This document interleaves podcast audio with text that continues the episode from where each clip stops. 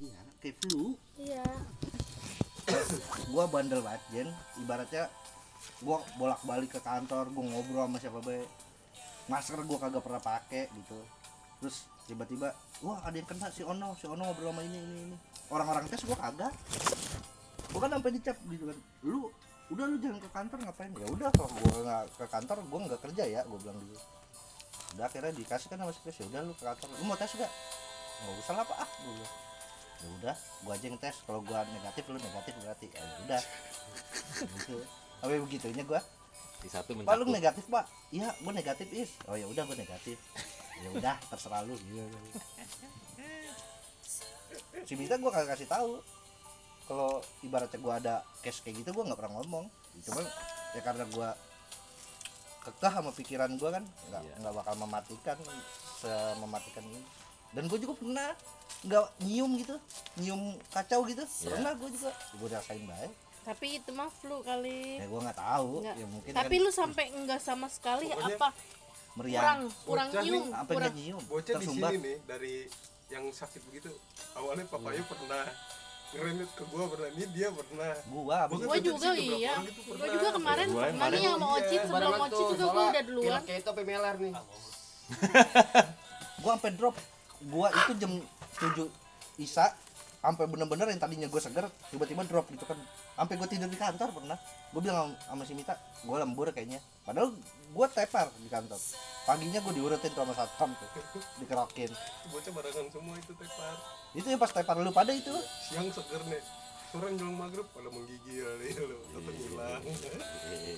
dan gue pikir juga dulu-dulu sebelum ada covid kayak gitu bisa bis pernah gue begini gitu. Karena mungkin tubuh daya tahan tubuh gue nggak ini flu atau apa gitu. Ya bener yang tadi apa dari awalnya dari pikiran dulu emang. Soalnya kemarin gua gini gua semakin gua gini "Ah, kena kali gua ya. Gua makin yang sakit tapi pas gini enggak ah kena gua. Nggak apa-apa. Lama-lama biasa. Lama-lama gue minum obat aja obat flu biasa udah. Tapi kalau gue ini eh gini. Ini eh gue nyesek di jadinya. Ya lo anjing gue nyesek lagi gitu. bisa jadi.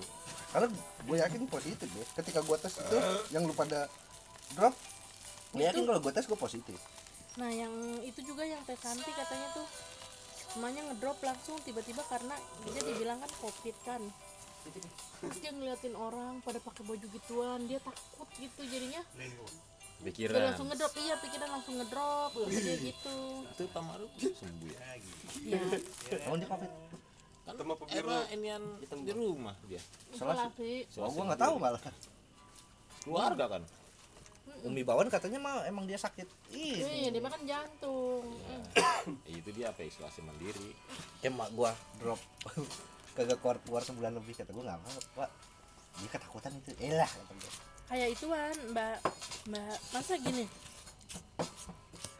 Eh, yang Lestri kemarin kasian banget tuh mm, yang dia kan emang sakit mm, apa kanker payudara. Dia dari rumah sakit pasar minggu tes covid. Mau pulang nih negatif. Masa pas nyampe apa nyampe siapa namanya? Eh, Hermina. Reaktif. Terus dia katanya mau diisolasi. Kata dia enggak ah, saya nggak mau diisolasi. Eh saya nggak mau dirawat. So kan suruh rawat tuh sama Hermina. Enggak ah saya nggak mau dirawat. Kata dia gitu. Kalau emang bener dia covid dari situ berarti kan eh, dia kan bilang dong terus datang ke pihak rumah sakit gitu kan isolasi ngasih obat. Enggak tapinya tapi tapi dari rumah pihak rumah sakitnya santai-santai aja gitu bang nggak bener-bener. Berarti kan kadang rumah sakitnya jahat gitu bang maksudnya.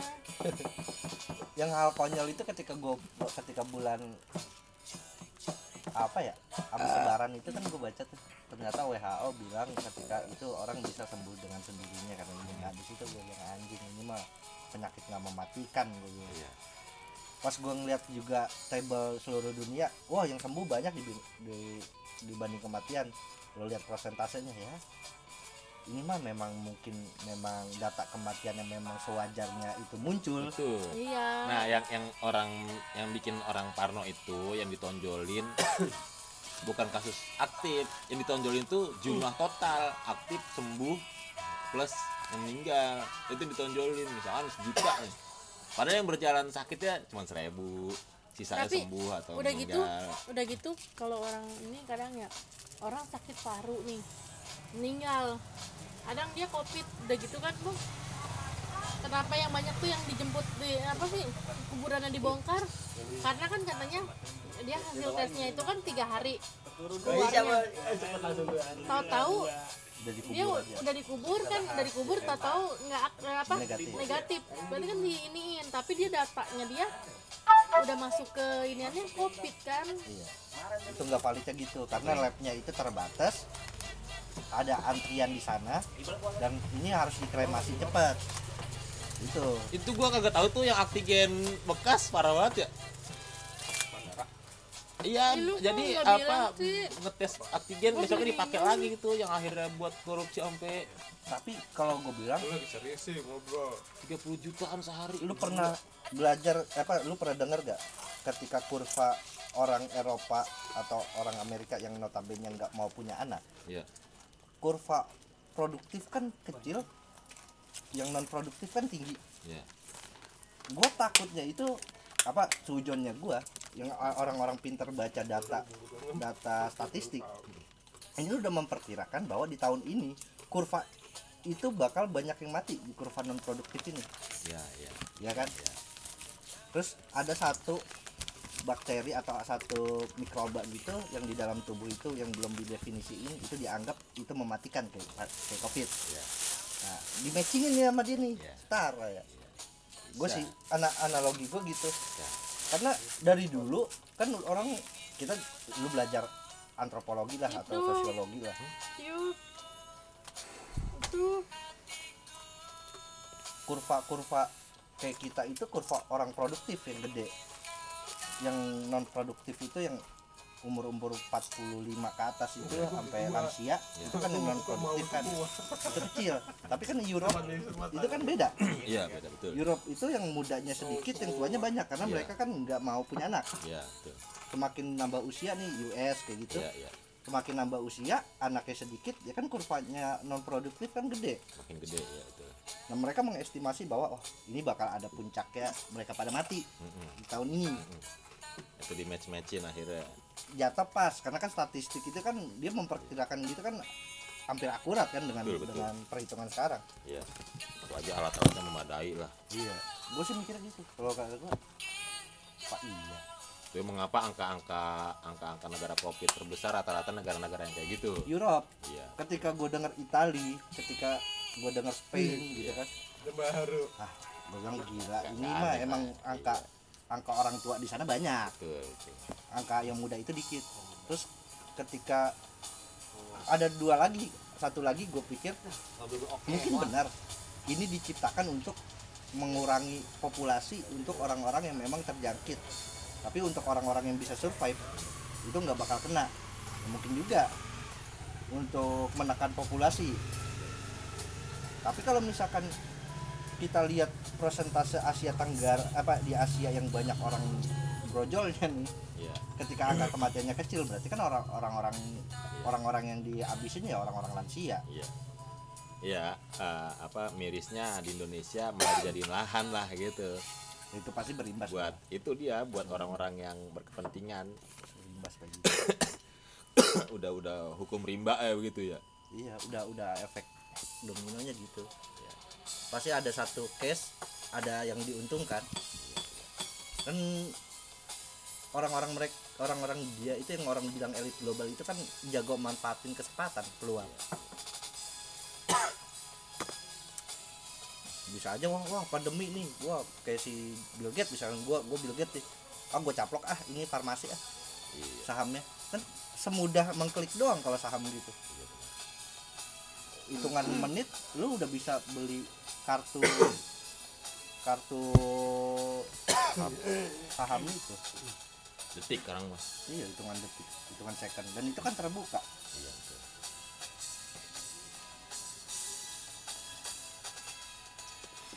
makanya juga elit global yang merencanakan itu juga gue bilang mungkin bisa mungkin juga mereka hanya ngelihat peluang manfaatin Iya. kesempatan karena surat berharga segala macam saham itu gampang lu ngebeli itu kalau lu punya duit. Sistemnya. Betul baik. iya betul tapi benar. Hmm. jadi bukan bukan diciptakan tapi mereka ngeliat peluang di situ. Di mana ada celah kayak istilahnya kalau dalam sistem itu ngebug Bak. ngebugs oh ini ada- ada bugs nih sini masuk ah. Biar bisa menguasai sistem terus gue yang lu- lucu juga Amerika ribut sama Cina ya kan? Ini awal mulanya dilepas apa enggak gitu. Ya kan yang kelelawar ya itu. Terus pas dideteksi kelelawar ternyata nggak bisa bermutasi. Ya ya kan kan ini anjing nih gue bilang. ya apa sih gue apa emang ini akibat ulah usang eh, apa ulah iseng saintis di dalam lab menemukan hal baru akhirnya dia bikin hoax? Ya kan bisa aja. Lu terlalu pintar orang nggak pada tahu Iya. lu bikin suatu cerita Iya. fairy tale. Apalagi kemarin yang rilis film ituan Wuhan. Corona di Wuhan. Ngejar semua semua ini settingan di Wuhan. Bikin film doang suwe. Jadi jadi suges ya. jadi suges karena film bikin film besar besaran ya kan Modelnya kayak kalau di sini si Aukarin Aukarin yang dia beli hotel. Kenapa? nggak taunya itu endorsan buat iklan apa gitu. Asli dia nggak beli hotel? Oh. dan itu orang-orang pada jadi tahu beli dia beli hotel ya? Tapi ini emang goblok pandemi ini kan gue bilang Amerika aja sampai warganya yang orang bilang pinternya nggak ketulungan kan Iya. gejolak juga mereka. Iya betul. berarti kan kalau kita mikir ya kita emang rantai makanan di tengah atau di bawah gitu. Iya, yang sekelas atas saya kemakan ya. Iya. Iya, apalagi lu. Gitu. ya Amerika aja lu gila loh Amerika ya orang-orang bilang dia itu peradabannya maju 20 tahun dari kita. Orang-orangnya di sana itu Iya. open mind masih kemakan nama yang kayak gini gini masih dipaksa apa ya mau nggak mau ngikut. Iya betul. Ya kalau kalau yang gue lihat juga bu kayak gitu bung jadi sebenarnya nih orang-orang Indonesia nih udah pada ngeh nih. Cuman karena paksaan sistem ini nih ada sistem yang maksa gitu. Iya. gue yakin sekelas Muhammad Idris juga dia udah ah apaan sih nih bullshit nih. Jadi bikin bikin keputusan juga yang setengah-setengah. Ya karena mudik nggak boleh wisata boleh pemerintahnya juga juga gue yakin memang nggak bisa banyak eh nggak bisa banyak berbuat. berbuat karena memang gua tuh harus kepaksa kayak lu nyimpan duit di bank iya. ATM iya. gitu kan. Nggak boleh tapi suruh ngerayain ulang tahun. Iya. Dilema jadinya kan lu bingung nih mau aku milih begini ini efeknya begini gue milih begini efeknya begini. Akhirnya kan bingung. Dan itu nggak berlaku di kita doang seluruh dunia. Gitu. apalagi negara kita yang ibaratnya lu cenceremen di mata tapi dunia ada yang gua kira korut doang ya. Nggak taunya kayak Swedia. Itu juga dia menolak corona juga. Oh Skandinavia. Emang mereka Iya. negara yang lumayan bilang. Ya artinya ketika mereka berani gitu mereka tetap jalan normal aja gitu bang Iya. Cuman kan mereka didukung sama ketika mereka dijauhkan sama negara lain dia survive. Kalau kita kayak Kuba, gol. iya Itu yang ditakutin gue yakin si Jokowi dan kawan-kawannya ditakutin di embargo.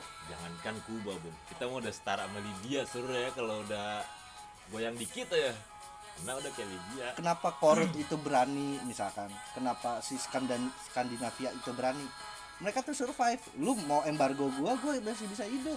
Sampah gue jadiin potensi energi. iya. Si Swedish Sweden sama si Finland. Sumber daya alam apa yang gue bergantung? Nggak ada. Kita habis. Lu cuman punya lahan tapi alat lu kagak punya. Lu punya alat tapi tenaga ahli lu nggak punya.